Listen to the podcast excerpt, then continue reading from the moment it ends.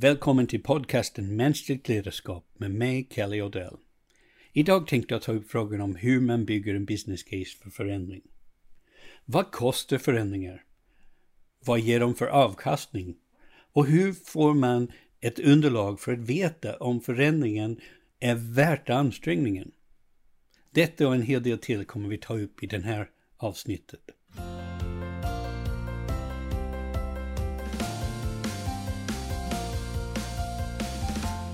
Den berömda citatet “Show me the money” från den kultförklarade filmen Jerry Maguire summerar upp många chefers funderingar runt förändring och förändringsledning. Det råder en massa missförstånd runt den ekonomiska sidan av förändringar. En del menar att det är svårt att räkna på nyttan av förändringar eh, och det är lika bra att låta bli. Andra menar att allt måste inte räknas i pengar. Och ytterligare en grupp verkar ha bestämt sig för att det där med förändring och mänskligt beteende är bara nyss och flum och vi behöver inte bry oss om det. Och jag kan säga att på sätt och vis har alla dessa rätt och samtidigt så har alla fel. Vad kommer det kosta för att genomföra en förändring? Vilken nytta kommer att skapas? Det är mycket lättare att räkna ut vad det kommer att kosta att köpa en ny bil än att räkna ut vad det kommer att kosta att skaffa körkort. En god vän till mig växte upp på en eh, bondgård och han var så van att köra alla sorters fordon. När han till slut skulle köra upp som privatist så eh, fick han körkort utan att lägga några pengar alls på körskola. Eh, jag har känt andra som har lagt alltifrån några tusenlappar upp till 20-30 000 kronor på körskola innan de äntligen klarar teoriprov och uppkörning. På samma sätt kan det vara lättare att räkna ut vad det kommer att kosta att installera ett nytt IT-system än det är att räkna på vad det kommer att kosta för att alla medarbetare kommer att lära sig att använda systemet. Ja, en del medarbetare kanske redan kan hantera det nya systemet tack vare eh, att de har arbetat med samma system på en tidigare arbetsplats till exempel. Eh, andra kanske har jobbat tio år med ett annat system, eh, det gamla systemet på företaget och de är inte alls sugen på att börja lära sig ett nytt. Det kanske till och med finns några medarbetare som inte är vana att jobba i IT-system överhuvudtaget och de måste lära sig från scratch. En del medarbetare är mer skeptiska då de har haft dåliga erfarenheter av tidigare förändringar, medan andra är mer öppna för att testa något nytt. Variationerna på mänskligt beteende kan vara många och svåra att överblicka. Då är det jättesvårt att veta hur lång tid förändringen kommer att ta och hur mycket det kommer att kosta. Det viktiga här är att vi räknar på det vi kan och att vi uppskattar det som vi inte kan räkna på. Målet är att komma fram till ungefärliga magnituder på investeringar i form av tid, pengar och ansträngning versus de ungefärliga magnituder av nyttan som förväntas skapas. Skulle man komma fram till att den eventuella nyttan är bara marginellt större än den uppskattade investering är mitt råd att skippa just denna förändringen. Det finns så mycket risk involverad i förändringar att vi bör fokusera på förändringar som ger tillbaka flera gånger mer än de kostar, inte bara ett antal procent. Jag brukar fråga beslutsfattare om denna förändring skulle visa sig kosta dubbelt så mycket och ta dubbelt så lång tid som ni tror, är det fortfarande värt att göra? Svarar de nej rekommenderar jag att de lägger ner förändringen. Om man tror att en förändringsinitiativ kommer att ge 30% eller även 50% avkastning så är marginalen för liten för att motivera riskerna. Av detta skäl behöver inte business caset vara så noga ner till decimalerna. Om vi kan konstatera att en lyckad förändring bör kunna skapa åtminstone två gånger så mycket mer nytta än vad det kostar kan det vara värt att prova. Men ännu hellre om den ger möjlighet att skapa tre till fem gånger så mycket nytta än vad det kostar. Jag bad en koncernchef på ett företag där jag arbetade att, redogöra för business caset för en massiv omorganisation som han lanserade. Jag var nyfiken att höra vad det skulle kosta och vad det eventuellt förväntades skapa för nytta. Han förstod inte frågan. Trots att han var en mycket finansiell orienterad chef kunde han inte se att omorganisationen skulle kosta något alls. Och därför var all eventuell nytta som skapade, skapades en ren vinst. Jag påpekade för honom att om medarbetare tappar en timme i produktivitet var på att sitta och gnälla över den nya organisationen skulle det redan kosta över 10 miljoner kronor. I det företaget så räknar vi med en schablon personalkostnad på en miljon. Och den miljonen inkluderar lön, arbetsplats, eh, eh, datorer, eventuella förmåner. Det var en, en snitt eller en schablonkostnad vi räknade med. Och vi hade 25 000 anställda. Så man räknar att man har 25 000 anställda som kostar företaget en miljon var. Det skulle betyda att om vi tappar en timmes produktivitet så kostar det 12,5 miljoner kronor. Frågan är bara om det skulle räcka med bara en timmes eh, produktivitetsbortfall eller om vi skulle eventuellt tappa mer. Ingen av oss kan säga med någon säkerhet hur många timmar eh, vi kommer att tappa på att folk håller på att bearbeta en förändring. Men allt vi kan göra för att göra processen så smidigt som möjligt är en ren kostnadsbesparing. I min nya bok, Förändringshandboken, visar jag mallar för hur man ska planera för kommunikation, kompetensutveckling och olika motivationsinsatser. Men för det här exemplet som jag har givit eh, med de 25 000 anställda, eh, om vi skulle ha en hypotes att vi tappade en till två dagars eh, produktivitet på grund av informationsmöte om förändring, möten för att starta upp kanske nya arbetsgrupper, eh, tid för eventuell utbildning, eh, informell tid för att klaga och gnälla eh, och, och, kanske en hel del annat. Så med de här ett, en till två dagar, det skulle innebära att det faktiskt kostnad för koncernens omorganisation kunde lätt hamna på 100 till 200 miljoner kronor i vad vi kanske skulle kunna kalla osynliga kostnader. Därför är det rimligt att man ska kunna härleda vinster som klart överstiger några hundra miljoner för att kunna känna sig trygg med att genomföra förändringen. Det vi har gjort här är grunden till en enkel business case. Att det är svårt att veta exakt är ingen ursäkt för att inte försöka uppskatta både investeringar och vinster. Och för de som säger att pengar är inte allt kan jag bara hålla med. Pengar är inte allt. Och allt måste inte nödvändigtvis räknas i kronor och öre. Pengar är en mänsklig uppfinning, en påhitt som vi har skapat för att hjälpa oss att hantera vissa typer av mellanmänskliga relationer och transaktioner. Pengar är ett bra verktyg för att symbolisera nyttor och kostnader i många sammanhang, men de är inte alltid lika effektiva för att mäta alla typer av nyttor. Det är till exempel svårt att uttrycka den nytta man får av en relation med en god vän eller en romantisk partner i termer av pengar. I en verksamhet Även ett företag som vill tjäna pengar kan det finnas andra nyttor än pengar som vi vill förbättra. Det kan vara att öka medarbetares tillfredsställelse eller kundnöjdhet.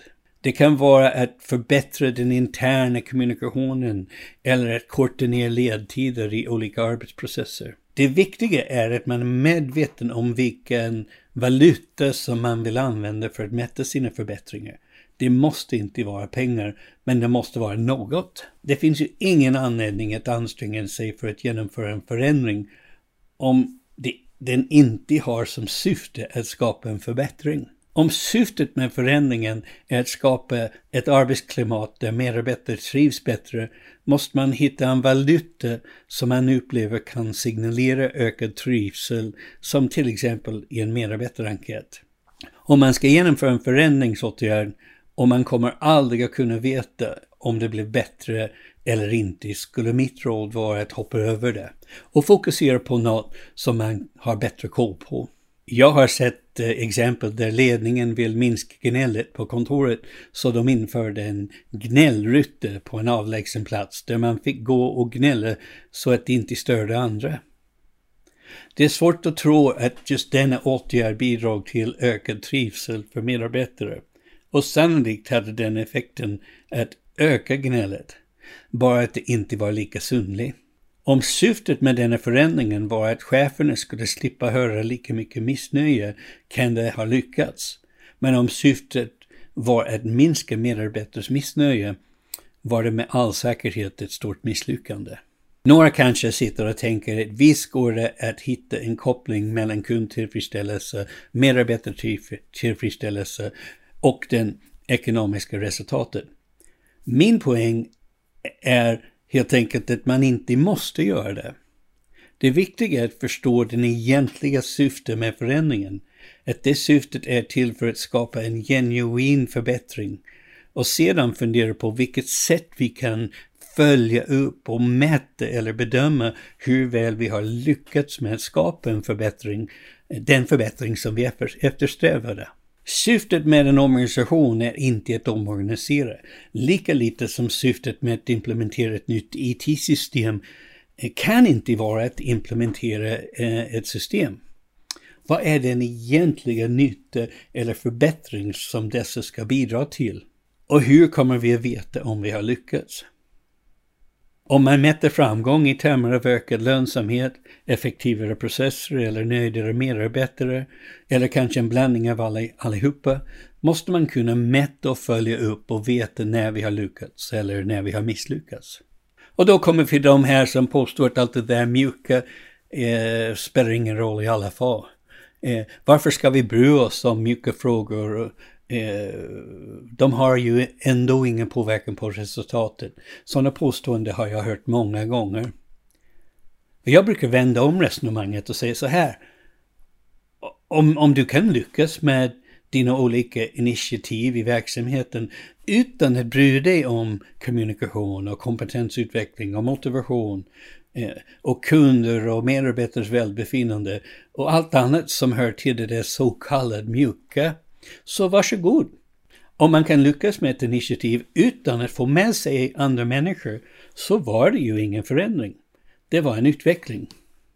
I min bok Förändringshandboken förtydligar jag det här skillnaden mellan förändring och utveckling. Men enkelt uttryckt kan man säga att vi håller på att driva förbättringar hela tiden i våra verksamheter. En del av de här förbättringarna kräver inte nya beteenden, det vill säga mer och bättre kunder, andra. Ingen behöver göra något nytt för att vi ska uppnå förbättringen. Ett exempel jag ofta tar är när vi eh, på ett av mina tidigare arbetsplatser bytte ut 10 000 servrar i en serverhall.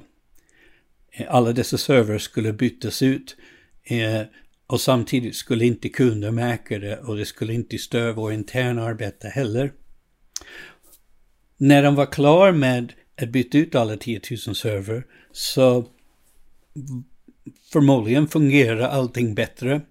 Eh, kanske snabbare, kanske mindre driftskostnader och så vidare. Men ingen människa behövde bete sig på något nytt sätt. Ingen behövde lära sig något nytt.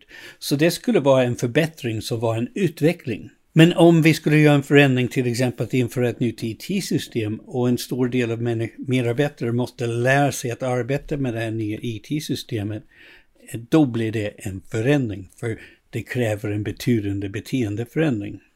Så alla förbättringar är inte eh, förändringar. Och trots att jag jobbar till vardags med förändring och utbildning förändring och konsult inom förändring så min tips är att om du kan skapa din önskade förbättring utan att blanda in mänskligt beteende, utan att blanda in en beteendeförändring, så gör det för att det är mycket, mycket mindre risk. Så vad är en förändring? Ja, en förändring är en förbättring som ställer krav på människor att göra något annorlunda. Det vill säga att de ändrar sitt beteende på något sätt för att förbättringen ska kunna uppnås.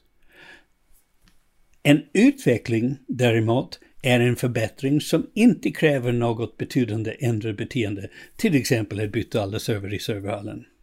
När arbetet är klart kommer troligtvis verksamheten att funka utan att någon intressentgrupp måste agera annorlunda. Som jag nämnde tidigare, eh, att installera ett nytt IT-system är inte en förändring. Förändringen uppstår om och när medarbetare börjar använda det nya systemet. För flera år sedan så träffade jag ett gäng amerikanska chefer och en av dem sa We did some of, some of that soft stuff last year. Typ att de hade gjort en släng av någon slags beteendeorienterat arbete för ett år sedan. Och det bör räcka. Så jag svarade If it's so soft then why the hell is it so hard? Detta skämt kanske bara fungerar på engelska men poängen är ju detsamma. Det är ju det mjuka som är det svåra. Jag har själv upplevt många exempel där vi investerat enorma summor pengar i nya system som vi aldrig kommer igång med att använda på riktigt. Jag har nyligen fått se en verksamhet som bekostar en total renovering av sina fastigheter för att kunna börja arbeta med aktivitetsbaserad arbetssätt.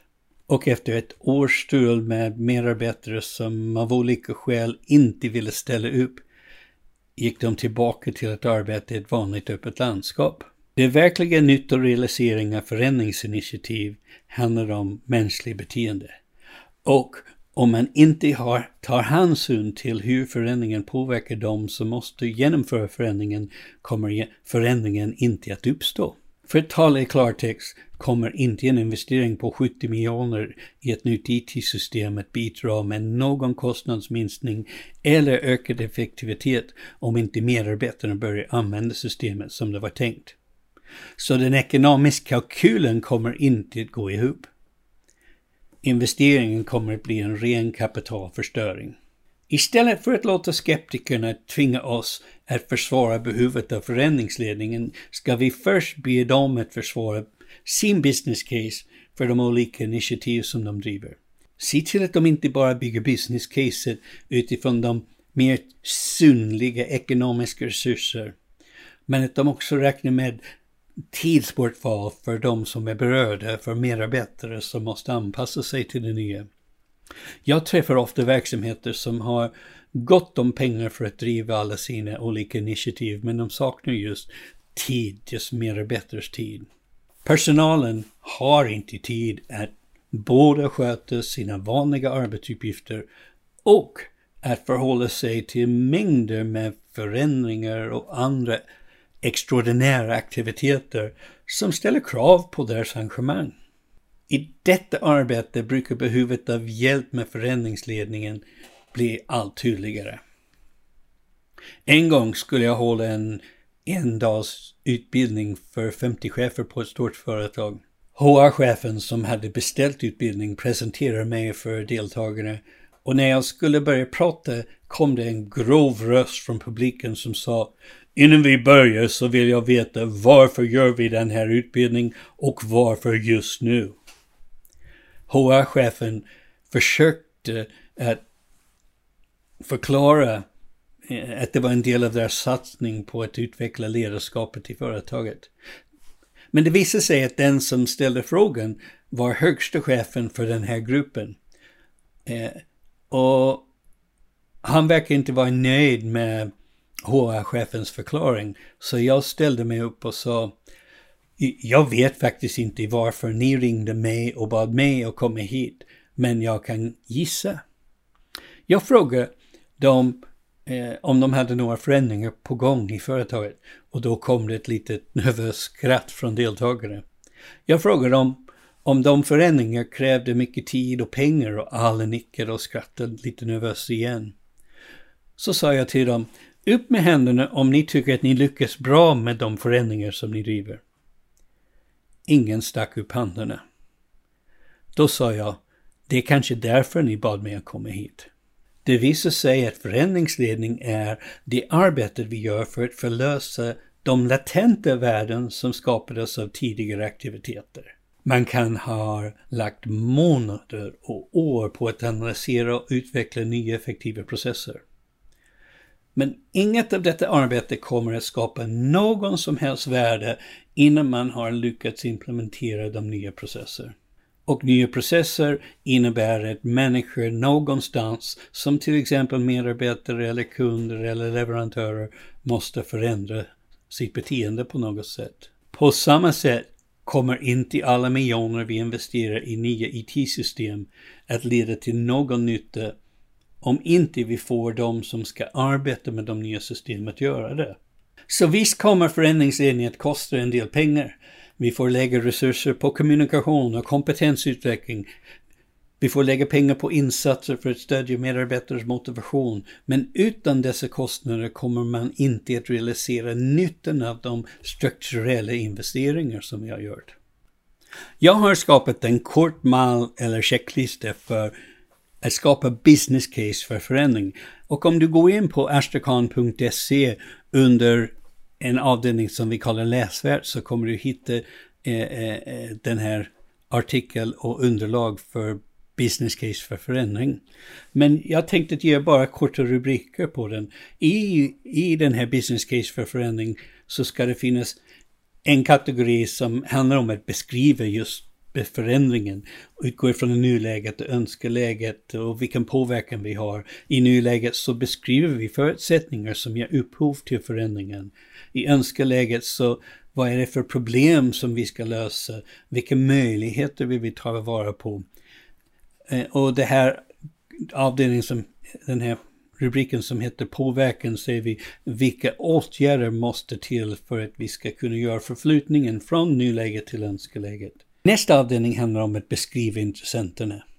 Utifrån ett nulägesperspektiv vill vi beskriva vilka omfattas av förändringen. Kan det vara kunder, leverantörer, myndigheter, kanske facket, naturligtvis ofta medarbetare och ledningen.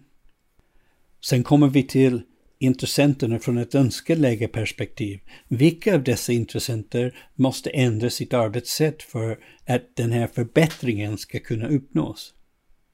Och då tittar vi på påverkan. Hur många är det som påverkas? Vilka insatser krävs för olika intressenter? Eh, vilka processer behöver skötas parallellt? Sen kommer vi till avdelningen som handlar om resurser. Och igen tittar vi på nuläget. Vilka resurser krävs, eh, finns eller saknas för att driva verksamheten idag? Titta på tid, pengar, kompetens, alla slags resurser, inte bara pengar. Ett önskeläge kan handla om vilka resurser krävs för att genomföra förändringen och driva verksamheten efter förändringen. Och sen påverkan vilka nya resurser behövs läggas till för att genomföra förändringen. Hur påverkas resurserna av att förändringen genomförs? Skapar vi ett överskott eller ett underskott? Och sen kommer vi till den sista avdelningen i business caset, det här med process och arbetssätt. I nuläget så pratar vi om hur ser dagens arbetssätt ut? Önskeläget, hur kommer det nya arbetssättet att se ut efter förändringen? Och påverkan handlar om beskriv förändringar i processer, förmågor och roller.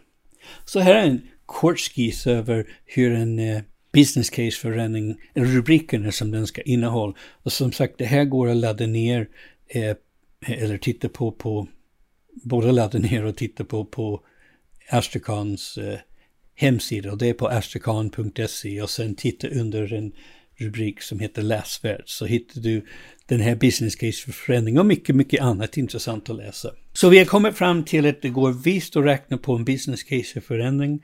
Om du inte kan räkna på eh, nyttan som förändringen skapar så är mitt råd att lägga ner det. Och nyttan med förändringen måste klart överstiga, men gärna med multipler över den eventuella kostnad som förändringen kostar. Eh, annars är det för stor risk att kunna driva. Jag hoppas det varit intressant och att du får en del tankar runt hur ni ska bygga upp er argumentation för business case och en förändring. Vi hörs igen nästa gång. Tack!